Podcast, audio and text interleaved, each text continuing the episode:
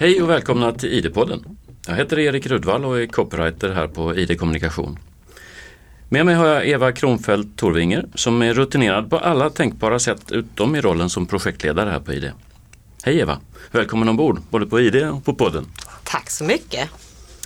Med oss idag har vi en av branschens mest rutinerade kommunikatörer från en av landets viktigaste aktörer, Eva-Gun Westford från polisen i Malmö. Välkommen hit! Tack så mycket!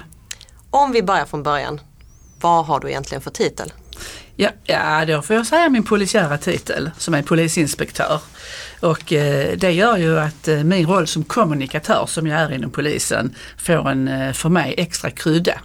Men du är ute och jagar bovar också? Ibland händer det eftersom jag är med ute på banan när det är, där vi säger särskilda händelser. Du vet eh, fotbollsmatcher, när det är högriskmatcher då är vi på banan och då brukar jag ta hand om eh, media. Och det, det kan ju hända att jag behöver rycka ut som polis också då och då gör jag det. Och vad är dina största utmaningar som kommunikatör inom polisen? Största utmaningen idag är ju att eh, polisen är allmänt sett i underläge kan jag säga eh, efter den nya omorganisationen. Så det är att bibehålla trovärdigheten hos allmänheten. Det är det som är den stora utmaningen. Sen historiskt sett så har det ju varit att eh, ge kommunikatören eh, eh, bärighet i organisationen. Polisorganisationen är ju av tradition en sluten organisation och, eh, med, där vi ska vara lika allihopa. Eh, jag har då brunnit för kommunikation i så himla många år så jag har gått en rätt så hård kamp för eh, att man ska visa polisens arbete utåt. Men om vi börjar den änden, mm. varför blev du kommunikatör? Varför ville du bli det? Sökte du jobbet? Nej, det gjorde jag inte. Jag såg någonting speciellt när jag blev polis. Det är ju liksom över 40 år sedan. Då var ju inte vi kvinnliga poliser välkomna det eh, var inte så många kvinnor som sökte sig till polisen. Några stycken där då eh, det allmänna var att har man gett sig leken får man leken tåla det fanns ingen välkomnande attityd mot kvinnor inom polisen. Och eh, det blev ju en ojämn kamp tyckte jag för att överleva. Men det jag då såg det var när man kom utanför polishus och utanför polisbilar. Då mötte man bovar, banditer, tanter, farbröder, unga och gamla som verkligen välkomnade oss kvinnor. Så det blev ju lite grann eh, eh som en befrielse för mig när man fick prata med allmänheten. Och sen så småningom så, eh, jag hade ju fotpatrullerat, jobbat som radiobilspolis, varit lite i pikén, varit på kriminalpolisen. Så fick vi en ung fräsig polismästare som hette Nils-Erik Åmansson som sedermera blev eh, rikspolischef ett kort tid. Och han eh, hade lite nya tankar och idéer och eh, han frågade mig om jag var sugen på att göra något annat. Och då sa jag ja, fast det var jag egentligen inte men han var ju högste chefen. Och då sa han, jag tror att information blir stort i framtiden. Kan du tänka dig att jobba med det? Absolut, pep ju jag. När var detta? Ja, det var mitten på 80-talet. Men han var framsynt och han såg någonting någonstans i fjärran. Nu har ju alla egna kommunikatörer och informatörer, name it, och det är ju en jätteyrkesorganisation kan man säga. Då är jag ju ett välkänt ansikte till exempel som också gör att eh, när jag är informationsbärare så blir jag igenkänd. Och sen är jag ju lite till åren kommen. Det, ibland har faktiskt eh, ålder betydelse. Att eh, när man ser en eh, person med livserfarenhet så blir det automatiskt ett tryggare budskap. Kan det ju vara. Vilken funktion tycker du att eh, din roll som kommunikatör har i det dagliga arbetet? Jag tycker det är nästan det viktigaste. Att kunna kommunicera. Därför att polisyrket och eh, polisen som organisation spänner över så mycket så det är nästan oöverstigligt och oövervinneligt att, eh, för eh, någon utanför polisen att förstå. Men vi har makt. Och vi är en maktorganisation i folks ögon och vi försöker hela tiden träna oss till att bli en mänsklig maktorganisation. Och allt eftersom tiden utvecklas på olika sätt och i olika riktningar så försöker vi hänga med i det. Och där anser jag att eh, har du ingen kommunikatör, kan du inte kommunicera, ja då är du en loser. Så jag tycker att jag som kommunikatör, jag är den viktigaste av alla. Fantastiskt. Vi har haft lite jobbigt att få hit dig. För varje gång Ja. som vi har bokat någonting så har det smält någonstans Ja. och så har du Ja. fått ställa in. Nu är det här, det tycker vi är härligt, men då, då finns det ju en fråga som, som eh, handlar om vad som är möjligt att planera. En del av er kommunikation är ju naturligtvis planerad. Ja. Men planerar ni för det oplanerade också? Eh, Vi planerar för det oplanerade så tillvida att all vår verksamhet ska vara planerad. Det vill säga jag ska veta på måndagen vad jag ska göra eh, den här veckan. Och det planerade arbetet får avbrytas av exempelvis en särskild händelse eller eh, ett grovt brott eller någonting som eh, har hänt. Och då är det vissa medarbetare på kommunikationsavdelningen. Jag är ju den, en sån, som då hela tiden ska vara medveten om att när som helst så kan det hända någonting. Så det måste jag ta med. Jag tar alltid det med. Jag, man kan säga så här, där är det lite som på en engelsk film. Jag har min eh, gula väst med polis eh, på bröstet eh, alltid med mig i handväskan. Är det så att eh, det briserar en bomb i eftermiddag eller gud förbjude, vi får ytterligare en skottlossning i Malmö med, med eh, spilt människoliv. Då eh, har vi ju redan en särskild händelse som löper parallellt med linjeverksamheten i Malmö. Där har vi en knuten kommunikatör till det och det är en kollega till mig och sen när han behöver hjälp, ja då är det jag som rycker in till vid hans sida och hjälper till och så jobbar vi så. Du har ju hållit på länge. Du pratade här i början om att eh, ditt jobb är att skapa ett förtroende Mm. för polisens arbete hos allmänheten. Eh, går du mycket på någon sorts eh, ryggmärgsreflex eller är du väldigt eh, strategisk när du jobbar eh, för att upprätta det här förtroendet? Alltså jag går på ryggmärgen. Jag skjuter från höften väldigt ofta därför att man ringer i traditionellt sett innan vi fick kommunikationsavdelningar och kommunikationschefer och, och mediestrateger och allt sånt här. Så har det varit så att man ringer in mig sist. Man ringer in mig när, när man säger att oj, nu står TV här och radio och mikrofoner. Vad gör vi? Ringer EG. Alltså, och då kommer jag in sist. Men jag var också den man körde ut först eh, när man inte behövde mig längre. Du tycker det är väldigt kul med ditt jobb, det märker Ja, man ju. det, är det, det, är- det är grunden och jag tror att det är grunden i allting. Tycker du inte om det du gör, har du inte ett engagemang i det du gör så blir det inte lika bra. Vi brukar, jag brukar prata med min man om detta som har gått i pension och som har jobbat som polis. Mhm. Men jag är polis och vi brukar skratta åt varann. Ja, ja, ja, ja, säger han till mig. Men, men han har varit eh, polistjänsteman mellan åtta och halv fem. Jag är polistjänsteman dygnet runt och jag eh, brinner hela tiden för det jag gör och lägger gärna annat åt sidan om det så är, är det julafton.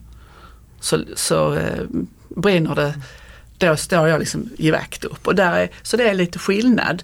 Jag tycker glädje, engagemang är det absolut viktigaste i allt du gör. För alla arbetsuppgifter är lika viktiga. Men hur, hur vet du när du har lyckats? Och det ser jag, det känner jag. Jag känner, för det första är jag själv min, min eh, värsta kritiker. Eh, jag ser det på journalister. Ehm, jag Hur möts, ser, en, hur ser en nöjd journalist ut? Ja men de, då är eh, axlarna nere, alltså det, det, det är liksom lugnt. Tittar du på dig själv i efterhand för att se hur det gick? Jag har gjort det förr. Har jag, förr har jag gjort det men jag ska ärlighetens namn säga och nu, nu kanske jag säger någonting som är, f- får många att tänka, är hon inte klok men det är inte så kul att se sig själv med en massa rynkor och, och, ehm, och dubbelhakor och så och det, jag blir inte alls glad. Så nej, inte lika stor um, utsträckning titta på mig själv och jag brukar också hota kameramännen med att de inte får sätta kameran i fel vinkel för jag blir så ledsen. Hjälper det? Ja, nej, men det, det, jag säger ibland, ja men du. Alltså en, en kameraman kan ju visa jättemycket makt. Gillar inte han mig så sätter han kameran lite snett underifrån. Vem är snygg lite snett underifrån? Blir du aldrig eh, lockad att svara inga kommentarer? Nej, det gör jag inte. Jag, jag, jag gillar inte det. Det är det jag ogillar mest. Jag, det märker jag ju på mig själv när jag, när jag tittar på, på människor som blir intervjuade. Så, så, så ingen kommentarer. Så jag blir stört förbannad och den personen som säger det, ah, ah har inte rent mjöl i påsen. Det finns annat sätt man kan, man kan formulera det på ett annat sätt faktiskt. Jag kan inte säga någonting om det därför att. Har du annars några sådana speciella tips om det är någon som skulle vara intresserad av att söka sig till som kommunikatör hos polisen? Det finns några särskilda egenskaper som man kan behöva ha? Ja men det är ju, det, jag tycker själv, du kan inte jobba inom polisen överhuvudtaget om inte du har kärlek till grund grundjobbet, eh, det vill säga polis. Alltså du måste besitta en kärlek till polisen. Det är det första. Det andra är ju att man ska vara så klar över att när man pratar, när man kommunicerar någonting, att aldrig någonsin låta dig förledas, att, att förledas till att ljuga. Det är... Um, jag ljög Fredrik Önnevall rakt upp i ansiktet en gång. Han hade den goda smaken att ringa upp mig dagen efter och säga det trodde jag aldrig om dig. Och jag sa det enda rätta. Det är ordet som, vi, som jag tycker man borde använda lite mer, förlåt. Och det, eh, det köpte han rakt av och vi har den största respekt för varandra han och jag men fy vad liten jag kände mig inför mig själv. Och det är ju värre Alltså man kan få kritik från, från olika håll. Men det värsta är när man själv tycker man har gjort ett dåligt jobb. Det tar mycket längre tid att komma över. Men det är kanske den bästa lärdomen ändå? Absolut! Jag eh, har lyssnat på Göran Persson när de frågade honom en gång i en intervju eh, medieträning. Han var duktig medialt. Mm. Och eh, så sa han det går inte att träna, du tränar det bara skarpt. Och det är precis så, jag tycker det är mycket klokt sagt. Är det ofta annars som du blir förledd? Alltså inte nu, inte nu. Men sen har vi det som vi har det. Vi har en hierarki inom polisen. Och det är klart när högsta eh, polischefen spänner ögonen i mig och talar om för mig vad jag ska säga. Ja, ja, ja, Ja absolut och då får man tänka hur ska jag krångla mig ur detta? För det är inte alltid vi tycker likadant. Men, men nu har vi en ny sorts chefer också. Polisorganisationen har utvecklats även där. Och det är ju fantastiskt när den högsta chefen kommer med hur mycket guld som helst på axlarna och säger Eva, vad tycker du? Åh, oh, nej men inte ska väl lilla jag tycka detta. Och då så känner man lite ah, jag har mandatet och då tittar man sen och ser på att vederbörande lyssnar, då är man ju king tycker jag. Någon solskenshistoria eller då blev det riktigt fel ur din rika fatabur? Alltså eh, vi har, solskenshistoria är det inte men eh, vi har ju det tillfället när eh, man upptäckte eh, romregistret som egentligen inte var så speciellt farligt men man, någon hade inte skött det riktigt. Men det fick ju hur stora proportioner som helst. Um, vi hade en, en länspolismästare i Skåne som hade varit på sin position i sex veckor. Någon säger till dem, ni måste ha en presskonferens och de sätter sig i presskonferensen, tre stycken då, en eh, skiträdd eh, länspolismästare, en polisområdeschef och en, en, en chef för utrednings... Man hade liksom inte tänkt riktigt, inte man hade inte tänkt till när det gällde uniformerna och frisyrerna. Eh, man, var, man, var, man gjorde presskonferensen utifrån avstampet rädsla. Där jag som kommunikatör liksom fick hålla mig i där jag, där jag stod för att inte falla sönder. Och det, den presskonferensen där, den brukar jag säga att det är mitt absolut bästa exempel på hur någonting inte får gå till. För att ehm, eh, man måste tänka sig mycket, mycket noga för innan man går upp och sätter sig i en presskonferens. Om det är någon som frågar mig om råd och så, så säger jag sätt dig inte i en presskonferens för det är en råttfälla. Förrän du har ett absolut blixt klart budskap och du är stensäker på vad du säger. Annars så, så för, det, för där, där är du verkligen i hissen. Du säger sätt dig inte en presskonferens utan att vara mm. förberedd. Mm. Men måste inte du själv ganska ofta stå ganska plötsligt på plats och svara jo, men det, det är ju liksom, det är min arena. Därför att det är ju mitt specialintresse och special, min specialkunskap.